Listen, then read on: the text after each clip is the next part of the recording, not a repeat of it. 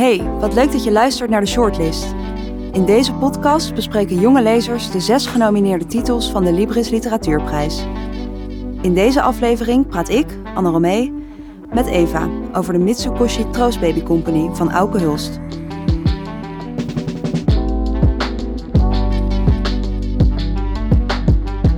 Hoi Anne Romee, daar Hey. zijn we weer. Eva, hallo, daar Hallo. zijn we weer.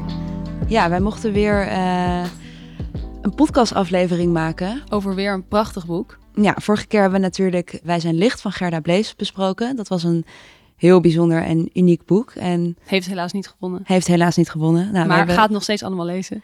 we hebben goede hoop voor de auteur van, eh, die we deze keer mogen bespreken. Want ja, ook zeker. dit is een super uniek boek. Ja. En we bespreken de Mitsukoshi Troost Baby Company van Auke Hulst. Vertel, wat vond je ervan? Dat, ik zat op de fiets hier naartoe en toen dacht ik... Oké, ja, we hebben echt heel veel onderwerpen die we moeten bespreken straks. Daar heb ik ook heel veel zin in. Ehm, maar wat ik ook dacht van... Ja, het is veel, maar het is wel in balans. Ja, dat Dacht ben ik je? wel met je Vond je eens. niet? Ja, het is een, een, een, ja, echt wel een vuistdik boek, 600 pagina's, maar zo voelt het niet. En eh, hij heeft dat heel erg knap gedaan. En toch een soort een, een lichtheid en een mega. Je wil gewoon doorlezen. Je wil echt weten wat er gebeurt. Ja, Eh, misschien goed om even het boek een beetje samen te vatten. dat is wel handig, denk ik. Zodat ook moeilijk. Iedereen, moeilijk, heel Ja. moeilijk. Maar dan weet iedereen een beetje waar we het over hebben. Ja, we gaan een poging wagen. Ehm, het is lastig omdat de auteur, Auke Hulst, een boek heeft geschreven over een auteur die ook een boek schrijft. En het hoofdpersonage, Auke van der Hulst, heeft ook dus bijna dezelfde naam als eh Auke Hulst. En die schrijft een boek over Kai en Mira. Ehm, Kai en Sam. Kai en Sam, oh Ja. ja. Oh, daar ga ik al de mist in. Maakt niet uit. Ja. ja, dus het is een boek in een boek in een boek eigenlijk. Dus je hebt heel erg een Inception idee. Klopt. Het zijn eigenlijk twee eh, boeken in één. eh, waarbij het ene een soort dagboek is eh, van de auteur Auke van der Hulst. Die een boek aan het schrijven is. En dat, dat andere boek, eh, De Lasso van de Tijd, dat lezen we ook. Mhm. En De Lasso van de Tijd gaat over Kai en Sam. Een waanzinnig verliefd stel met hun eh, ups en downs. Want het gaat ook niet altijd even soepel tussen die twee. En Sam die raakt in verwachting. En uiteindelijk wordt bij 14 weken die zwangerschap afgebroken. En daar is eh, Kai enorm kapot van. En ja, eigenlijk om dat verdriet en dat verlies... uiteindelijk, dat laat hem niet meer los. En om dat op te lossen gaat hij tijdreizen. En wil hij eigenlijk terug naar... Het is eigenlijk een science fiction roman. Ja, De lassen van de tijd. Ja, Ja. want de hoofdverhaal gaat terug in de tijd om ervoor te zorgen dat hij nou ja, de toekomst kan aanpassen eigenlijk. Of het, de verhaallijn. ja, om te zorgen dat die baby er toch komt. En dan ondertussen lezen we dus het dagboek van Auke van der Hulst, die dus de lasso van de tijd aan het schrijven is. En hij heeft een relatie gehad met Mila, Ja, en daar is eigenlijk ook het boek eh, over Kai en Sam, de lassen van de tijd, op gebaseerd. op gebaseerd. Over de, ja, de relatie tussen Auke van der Hulst en Mila. En ook zij maken eigenlijk hetzelfde mee. Ook daar is er sprake van een afgebroken zwangerschap. En Auke van der Hulst lost dat dan op een andere manier op. Eh, want hij koopt een robotbaby eh, bij de Mitsukoshi Troost Baby Company in Japan. En die robotbaby heet Scotty Valentine. Ja, en daar lezen we dus over in het andere gedeelte van het boek. Ja. Volgen jullie ons nog? maar het is dus af en toe lastig om te volgen, ook omdat eh Auke Hulst, de hoofdpersoon, een naam heeft gegeven die heel dicht bij zijn eigen ligt. Ja, dus je bent je voortdurend aan het afvragen van eh, wat, hoe, Wie, hoe echt is dit? Eh, hoe erg is dit uit het leven van de echte auteur Auke Hulst gegrepen? Eh, of is het toch allemaal fictie? Dus hij speelt daar heel erg mee. Wat ook natuurlijk het wel weer heel interessant eh ja, dat vond ik ook. Ik vond het ook wel weer, nou, ik vond het en gedurfd en inderdaad heel interessant, omdat je elke keer jezelf blijft afvragen van, hmm, nou ja, het is fictie, dat weet ik ook wel, Ja. maar eh, Het kan ja. natuurlijk wel zijn dat er autobiografische elementen of thema's in zitten. ja, hij is ook best wel bezig misschien in, de, in die zin met zijn eigen gedachten te ordenen daarover. Dat lees je heel erg terug.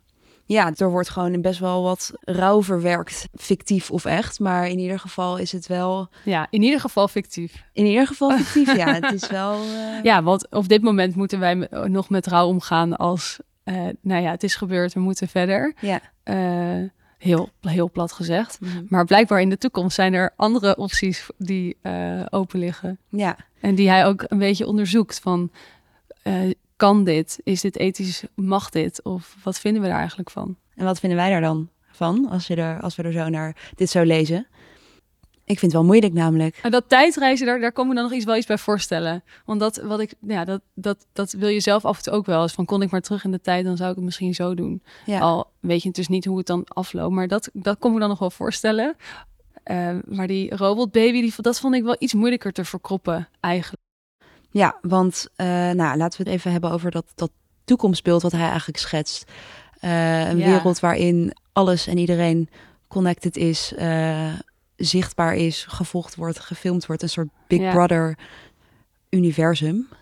Ja, er vliegen ogen volgens mij. De heet het. Je kan gevolgd worden door ogen. Je moet echt, nou ja, iedereen heeft een scherm en je hebt lenzen in waarin je eh, dingen kan opzoeken terwijl je met iemand staat te praten. Ja, Dus dan schrijft hij ook volgens mij dat dan staat hij met iemand te praten, dan ziet hij dat de ander een beetje uittunt en dat hij dan eventjes op zijn lees zijn lens iets aan het bekijken Ja. is. Eh, Best wel, best wel eng vond ik. best wel eng, omdat het Ja. zo realistisch is. Het is zeg maar, dat zou over tien jaar zijn. Het zou mij niks verbazen als we over tien jaar dat, dat Nee. staan te doen, toch? Ik werd er wel een beetje ehm, neerslachtig van af en toe. Als ik dat, dat soort dingen las. Ja, dan ik dacht hoop- ik, Dat het niet zo Hmm. is. er waren best wel wat, wat nou, echt hele trieste situaties. Bijvoorbeeld Groningen. Eh, in het boek is Ja. Groningen een evacuatiezone. Omdat de overheid of de partij de, eh, heeft besloten dat we gewoon doorgaan met gaswinning.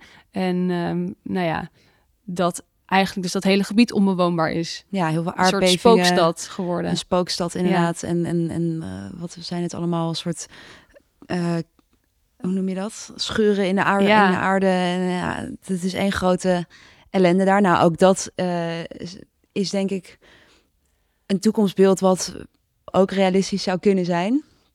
Je weet het allemaal eh, niet. Nee, Eh, maar Wel juist omdat het zo ja, dicht eigenlijk ligt bij wat er denk ik wel gewoon kan. En ook hetzelfde gaat voor die robotbaby. Ik bedoel, volgens mij zijn ze op dat gebied ook best ver met het steeds ja. eh, echter of realistischer maken van, van robots van allerlei soorten en maten. Dus dat maakt het wel dat je het direct aanneemt en dat je ook echt denkt, tenminste dat ik dacht van, oh nee, dit alsjeblieft. Misschien moeten we gewoon even ergens op de rem trappen met z'n allen qua... Ja. Er is één ding wat ik wel een lichtpuntje vond. En dat was dat ook in 2033 of 2032 zijn er dus wel nog auteurs die boeken schrijven. Ja, Klopt. Ja, dus het is, niet zo dat de literaire wereld helemaal instort. Nee. nee. Dat vond ik wel dat ik dacht, oké, nou, dit vind Dat ik dan nog wel prettig. dat is een goeie, ja. Hij is wel, eh, de hoofdpersoon is wel eh, heel erg bang dat het, eh, het fysieke boek gaat verdwijnen, volgens mij. Daarom staat zijn hele huis ook vol met boeken om de, al, alle boeken te redden van, de, van de, de ondergang aan de digitale boeken, aan de e-books. Dus dat vond ik wel grappig. Maar er zijn nog wel schrijvers, op wat voor manier je dan ook leest. Ja. Dat, ja, Dat, is een wel- mooi, een mooi lichtpuntje in Ja. ieder geval. ik, Tussen eh, alle ellende door. Ja, Ja, de andere vraag die inderdaad zich heel erg aan ons opdrong was... Wat maakt nou een mens? ja, dat is ook een heel groot thema. Ja, Hij heeft die robotbaby Scotty. Hij houdt van haar als een dochter. Het is eh, ook deels gewoon zijn DNA.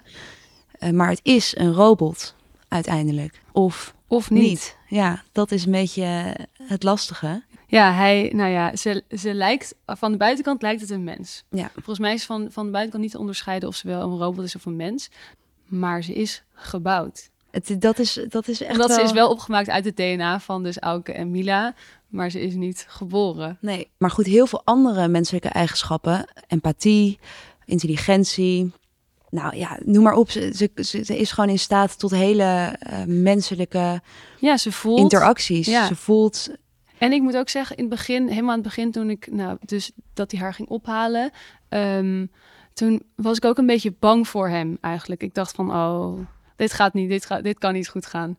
Met zo'n robot bedoel ja, je? met zo, ik weet niet. Dat, het- zij gaat, zij gaat, nou ja, misschien is dat ook iets wat, wat je dan in films ziet, maar, Ja, maar ze gaat iets, o- ik weet niet, ze gaat hem overnemen of ze, ze gaat iets doen. ja, ze gaat iets doen. En uiteindelijk blijkt dat ze echt, nou, dat is echt helemaal niet waar. En ik sluit, heb haar helemaal in mijn hart gesloten Ja, uiteindelijk. absoluut. En ze doet een hele lieve daad ook aan het einde van het boek. En toen, ja, dus het is wel grappig dat ik ook zelf eigenlijk bang ben voor zo'n robot. Terwijl eigenlijk is dat helemaal niet nodig, want ze was super lief en zorgzaam. En Ja, en het, het gepeste meisje in de klas, daar nam ze het Ja. meteen voor op. En ja, het robotstofzuigertje wat eh, door het huis ging, ja, dat was haar grote vriend. ja, dat is misschien wel, nou, dat is, ja, dat is wel echt een lievelingsstukje van mij uit het boek. dat vond ik zo leuk. Ja, dus Auke en eh Scotty hebben een robotstofzuiger, Shaky. En eh, dan gaan ze op een gegeven moment op reis. Nee, dan moeten ze de robotstofzuiger achterlaten. Ja. Want ja, die moet, die moet Die moet gewoon stofzuigen. thuis blijven. Ja. Ja, die moet stofzuigen, zegt Auke dan ook. En dan zegt Scotty, ja, maar wie zegt dat eigenlijk? En wie zegt dat, dat Shaky geen gevoelens heeft en geen emoties zoals ik? Waar, ja. En dan, nou ja, dan denkt Auke op een gegeven moment van, nou ja, oké, ehm, ja, misschien kijk ik ook wel veel te veel naar mijn eigen menselijke perspectief. Ja. En dan gaan ze samen, gaan ze Shaky, de robotstofzuiger, vrijlaten in het park. ja. Zo Dan schattig. fietsen ze met Shaky naar het Westerpark en dan laten ze hem zo los in het gras. En dan, Ga maar. ga maar. ja. En dat is eigenlijk natuurlijk de vraag die door dat hele boek... wa- waarom is bijvoorbeeld... eh, zijn wij een mens en Scotty dan niet? Nee. Want ze heeft eigenlijk heel veel... Bijna alle dingen die wij ook hebben, heeft zij ook. Ja. En zo kijkt zij dan dus ook weer naar dat, naar dat stofzuigertje. Dus dat is wel, ja... Ik vind het een ontzettend lastige vraag. En Ja, na 600 pagina's ben ik er nog niet helemaal uit. Maakt. Ik weet niet of je er ooit uit zal komen. Ja, en kijken wij er ook dan te veel naar vanuit ons perspectief van 2022? Misschien is dat inderdaad in 2033 wel heel anders. Ja. Nou, eh, we hadden het er ook nog met elkaar over dat het dan misschien eigenlijk ook wel een waarschuwing is, toch? Dat je niet te veel moet blijven hangen in het verleden. Omdat je nooit kan weten als je iets had, als iets anders was gegaan, had je nooit kunnen weten wat voor een serie van veranderingen dat teweeg had kunnen brengen. Waardoor je eigenlijk nooit had kunnen weten hoe het dan anders was gegaan. Nee, want je denkt natuurlijk best wel vaak van... oh, kon ik maar terug en kon ik maar dit zeggen? Ja, Of kon ik maar dat doen? Dan was het heel anders gegaan. Maar eigenlijk wel... Ja, dat vond ik ook een mooie boodschap van... je kan het wel willen en misschien... nou ja, zelfs als, als het zou kunnen... dan maakt het eigenlijk niet eens uit. nee, want dan, dan kan er misschien kan het een hele gekke wending nemen die je ook niet had gewild. Nee, precies.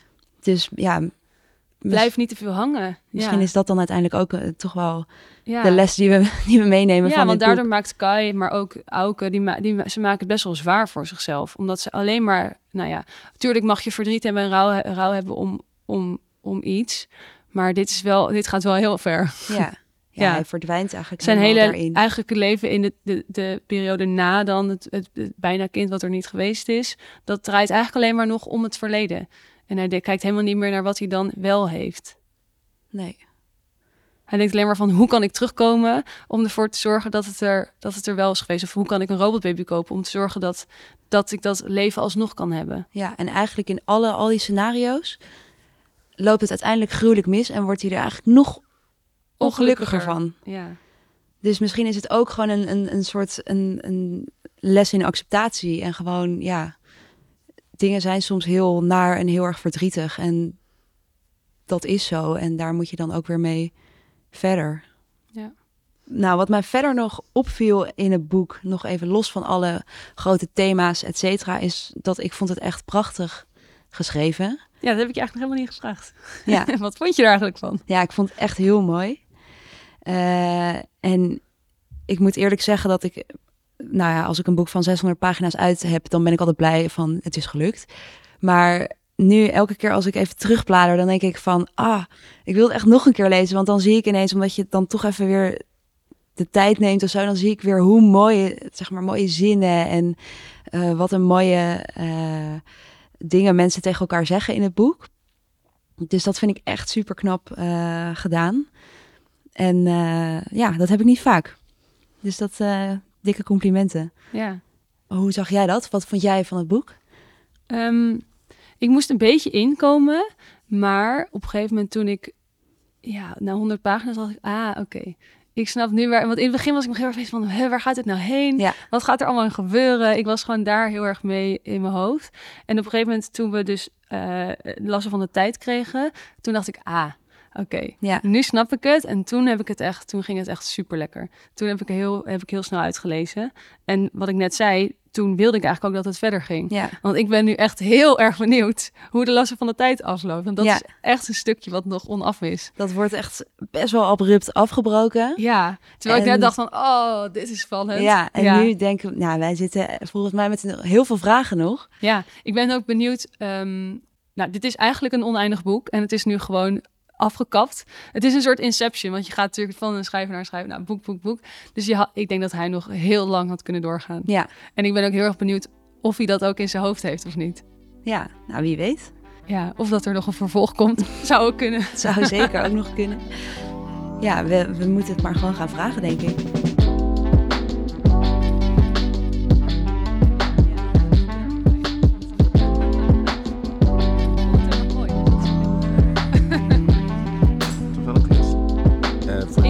Tijd ook, Voor mij ja. en voor jullie. was best wel, ja. Ja, want hoe lang heb je er eh, aan gewerkt? Ehm, ik heb er drie jaar aan gewerkt. Ik zou Ja. bijna non-stop. Zo. Nou, non-stop. Ehm, ja, laat ik zeggen non-stop, maar op mijn manier non-stop. Ik ben werelds luiste workaholic. Oké.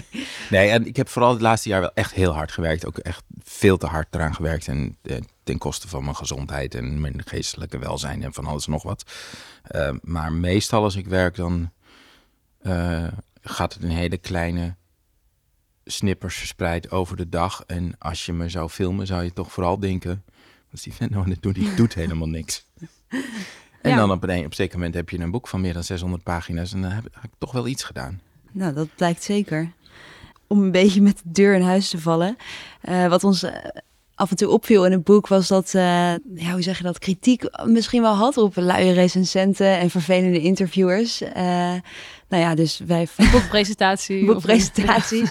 of althans jouw, jouw eh, personage, maar- Auke van der Hulst. En daar wil ik Ja. dan wel meteen bij zeggen dat Ja. hij vervolgens ook zichzelf, ehm, dat ik zeg één stap buiten zichzelf plaatst en analyseert waar al deze kleinheidsgevoelens vandaan Ja. komen.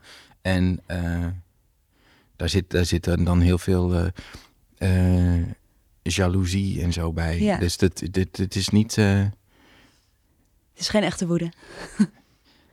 het, het is dan wel echte woede, maar vervolgens, als je gaat nadenken over die woede, begrijp je dat die woede eigenlijk ergens vandaan komt en in die zin niet terecht is. Nee. Ehm, omdat het over iets anders gaat. En misschien zou Auke van der Hulst dan dus wel heel erg blij zijn met een nominatie voor de Libris Literatuurprijs. Zou dat die woede dan een beetje bij hem wegnemen, denk je? Of, eh, Bij Auke van der Hulst. Nou, maar Ja. die is niet genomineerd. die is niet genomineerd, dat is waar. We kunnen, we kunnen het over Auke Hulst hebben. Ja. Eh, wat die ervan... eh, van... ja, wat vind jij ervan? Nou, ik ben een beetje verder dan Auke van der Hulst. Gelukkig. Eh, ik kan er dit over zeggen. Kijk, eh, als je, eh, ik denk dat heel veel schrijvers, en dat geldt zeker ook voor mij, eh, schrijven vanuit een, een, een tekort of een wond of eh, een beschadiging. Eh, en eh, publiceren, meer nog dan het schrijven zelf, het, het publiceren, wat een hele publieke daad is, is een poging om, ook een poging uiteindelijk om applaus te krijgen. Omdat je ergens van binnen denkt, dit gaat dat gat dempen, Ja. liefde. Eh, maar ik weet inmiddels al lang dat dat niet helpt. Ik heb ooit een prijs gewonnen, een andere prijs, de Bob de Nijl-prijs. Die uitreiking was, eh, was een hele, hele belangrijke les voor mij. Eh, ik ja, was op zich blij dat ik genomineerd was. Toen won ik hem. Toen was ik ongeveer een kwartier blij. En daarna werd ik heel erg somber. Echt, de- ik van schrok van wat, wat gebeurt hier. Ehm, er was een diner na die uitreiking. En eh, iedereen zat daar soort van vrolijk eh, te kletsen. Mensen van de jury en eh, de andere genomineerden die ook net deden alsof ze vrolijk waren. Maar natuurlijk eigenlijk gewoon ontzettend Bepaalde. baalde. Ehm, en ik voelde heel erg van, wat doe ik hier? Ik moet hier weg. En toen ben ik ook, ben ik ook weggegaan. Wat een beetje raar is voor de winnaar. En toen ben ik naar huis gefietst en daar ben ik... het was het WK voetbal 2018 in Rusland. Eh, daar ben ik gaan, eh, heb ik me in een deken gewikkeld en lag ik voor de tv te kijken naar een wedstrijd van Brazilië. Ik weet het nog heel goed. En ik dacht toen, oké, wacht even, dus een prijs winnen helpt niet. Note to self. Ja. Ehm, ben ik blij dat ik genomineerd ben voor de Libris, natuurlijk. Eh, een kwartier. Nee. Dat is niet het Nee. enige wat er is. nee, nee, maar ik heb daar nu een, een andere, laat ik zeggen, ik heb daar een andere verwachting van wat dat voor me doet. Een andere waarde hecht je Ik krijg er een andere waarde, wa- waarde aan. Ik zou het enorm leuk vinden als ik hem won. Het zou voor mijn werk heel goed zijn als ik hem won. Sowieso is het al heel erg goed dat ik genomineerd ben voor dat werk. Ja. Ehm, en de zichtbaarheid ervan. Ehm, ik verwacht er niet ehm, persoonlijk heil van. Nou, Dit was, een, dit was een lang antwoord. Ja, op maar een dat is korte misschien vraag. wel eh, ook een oplichting voor de jury wellicht, als ze dit zouden horen. Dat, eh, Vat dit niet op als een reden om mij Nee. niet te geven. Precies, noted. er zijn heel veel thema's die aan bod komen in je boek. Er zijn er, nou, je hebt er drie jaar aan gewerkt. Er zijn heel veel dingen die naar voren komen. En wij waren eigenlijk benieuwd, wat is voor jou het, ehm, het belangrijkste thema wat, wat, waar het boek over gaat? Nou, ik, ik, ehm, het is heel lastig om als schrijver eigenlijk precies te kunnen vertellen, tenminste voor mij geldt dat, waar het boek over gaat. Een boek is ook een beetje een monster dat je aan het temmen bent. Een, een wild paard. En op een zeker moment heb je het soort van in de hand. Eh, maar dan weet je wel ongeveer waar het over gaat. Maar als het goed is, verrast het boek ook de schrijver. En is het voor de schrijver ook een leerproces, ook als het al af is. Dus dat het een leerproces blijft. Ja, dat idee had ik ook wel. Dat het ook misschien voor jou, of in ieder geval dat was mijn beleving, dus ik weet niet of dat voor jou ook zo is. Maar ik had het idee dat het voor jou ook een soort eh ontplooiing of van gedachten was. Van, Ja, ja, het is Heel een, erg het is een-. Het is een onderzoek, ja, absoluut. precies. Ja. Ehm, kijk, ik- denk als je er een soort, van analytisch naar kijkt, zou je wel kunnen zeggen dat het, de hoofd, het hoofdthema is, het, is de prijs van het onvermogen je ergens bij neer te leggen. Als ik het in één zin zou moeten zeggen, zou het boek daarover gaan. ja, maar daar zit natuurlijk heel veel in besloten, eh, omdat het op zoveel manieren eigenlijk weer naar voren komt eh, in Ja. je boek. Nou, dat is wat ik dus fijn vind aan de vorm, de, de science fiction vorm, is dat je ehm, eh, in science fiction, ik zie dat altijd als experimentele, experimentele, als testopstellingen. Het Ja. is, en, en je kunt allerlei opstellingen verzinnen waarin je dat waar, wat je aan het onderzoeken bent op een andere manier kan onderzoeken. Ja. Eh, en in dit boek bestaat uit twee boeken. En be- beide boeken hebben in het hart een andere manier om dat onvermogen ergens bij neer te leggen te onderzoeken. Ja, precies. Ja. Daar hebben wij het ook over gehad. Het zijn eigenlijk, ja, de Auke en ehm Kai, die nemen eigenlijk een andere beslissing om het op te lossen in ieder geval. Ja. Maar uiteindelijk, hè, Komen ze wat, zichzelf breng- toch wat tegen? brengen die oplossingen nou uiteindelijk? Nou ja, dan komen we weer bij dat onvermogen Ja. Ja, en de prijs. Ehm, zonder alles te verklappen. Ja, want je zei het eigenlijk eh, zelf al. Je hebt eigenlijk twee boeken in één geschreven met twee verschillende eh, oplossingen eh, voor dat, dat verdriet, dat probleem. Ehm, hoe heb je dat gedaan? Want heb je het naast elkaar geschreven of tegelijkertijd? Dat, dat leek ons best een hele klus om eigenlijk twee boeken in één te vlechten. Ik ehm, kan het je niet vertellen. Ehm, in de eerste plaats. Nou, ik, ik, ik werk heel chaotisch. Dat Mhm. zou je misschien niet zeggen, maar dat is wel zo. Het is ook niet dat ik het ene boek eerst heb geschreven en daarna het andere boek. Want die boeken zijn ook met elkaar in gesprek. Ze, Ja. ze, ze moeten ook op elkaar reageren. Dus dat kan dan ook helemaal niet. Nee. Ehm, voordat ik aan zo'n boek begin, of in ieder geval van, nou ja, eigenlijk geldt dat voor al mijn werk, maar zeker bij dit boek, heeft het al jaren in mijn hoofd liggen eh, groeien. Eh, dus ik heb al wel een beetje een soort van, altijd een overkoepelend idee in mijn hoofd van hoe de boek er ongeveer uitziet. Ja. Eh, hoewel het me nog steeds de hele tijd verrast, maar er is wel een soort van bazaal idee. En dat geeft me wel de mogelijkheid om dan eens een stukje van het eind te schrijven, dan een stukje van het midden, dan een stukje van het begin. Ik, ik, werk me heel veel met aantekeningen, honderden, honderden, honderden pagina's aantekeningen. En die ga ik op een zeker moment ook organiseren, thematisch bij elkaar. Wat past bij elkaar? Wat is eigenlijk dubbel? Wat moet weg? Ehm, het is echt een zootje. Eigenlijk. eh, maar waarom ik het je vooral niet kan vertellen, is omdat ik me er niks van herinner.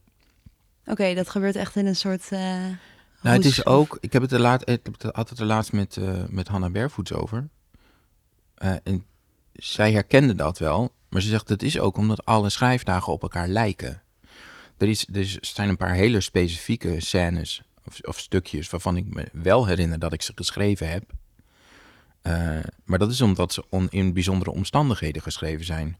Ehm, die eh, ehm, e-mail aan het eind Ja. heb ik best wel vroeg in het proces geschreven. Daarna heb ik hem trouwens herschreven, omdat hij hoe het boek uitpakte vereiste Ja. dat hij zou worden hers dat, hij, dat er een eh, herformulering plaats zou vinden. Maar die heb ik geschreven ergens langs de kant van de weg in Amerika, waar ik eh, snel op mijn laptop een e-mail heb geschreven en naar mezelf heb gestuurd als reminder.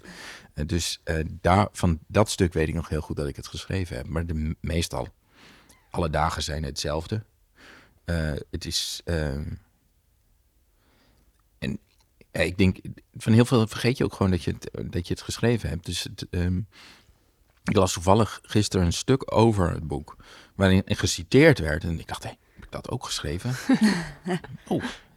oh, en die, oh, staat dat er ook in? Eh, Was je blij verrast?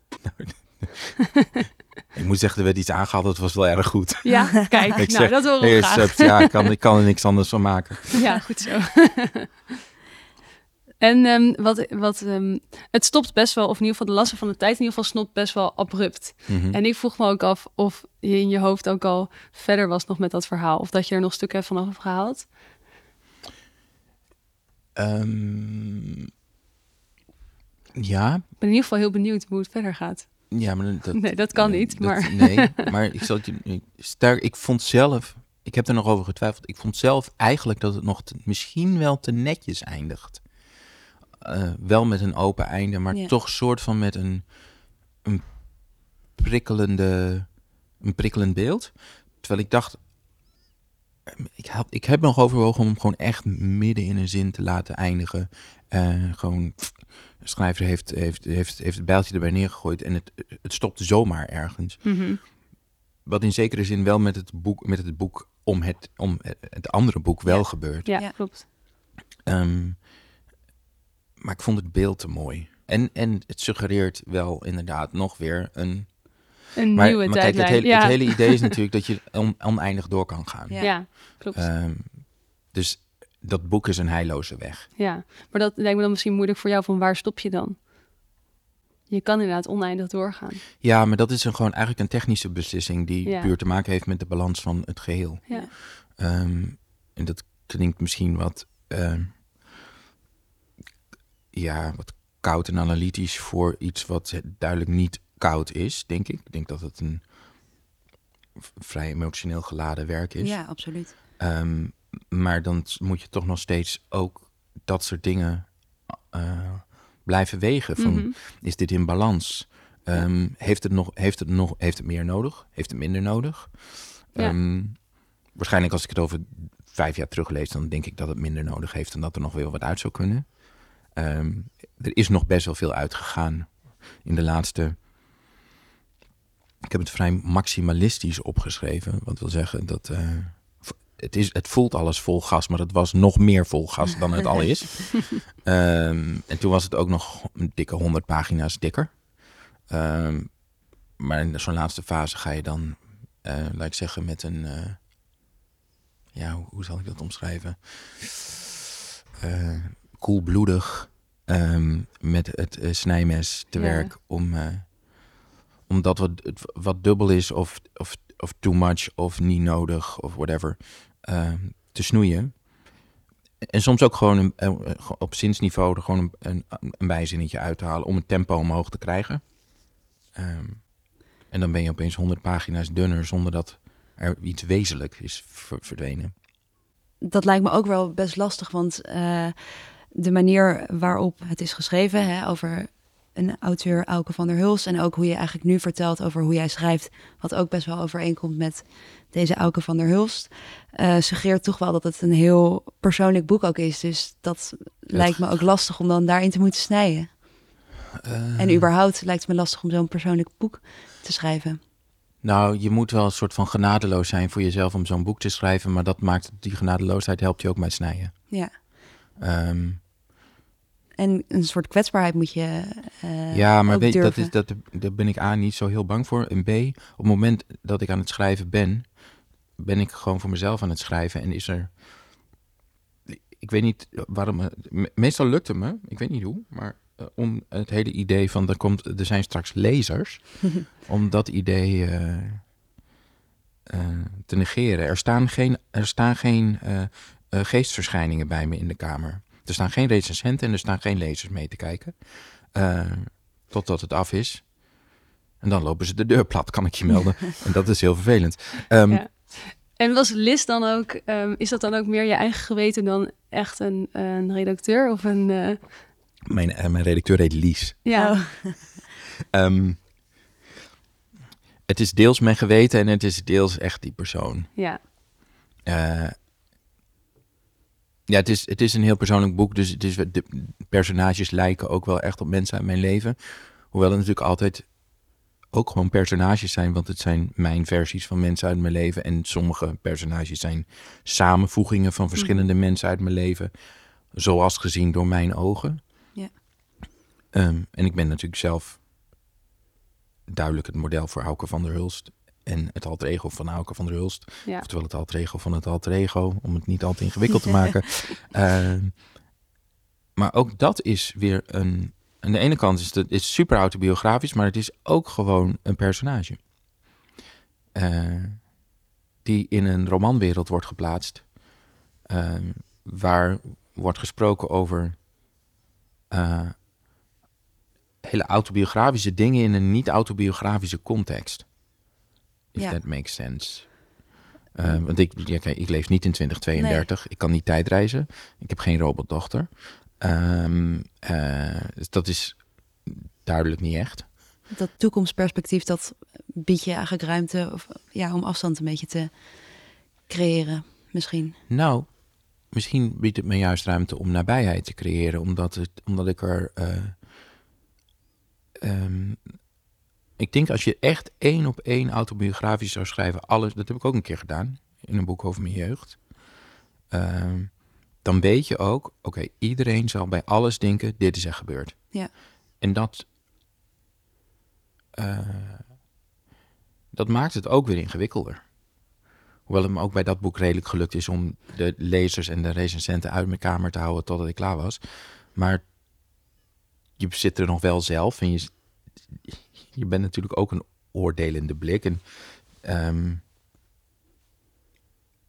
ik denk dat doordat je hier in dit boek niet precies kan zien wat echt 100% uit het leven gegrepen is en wat niet.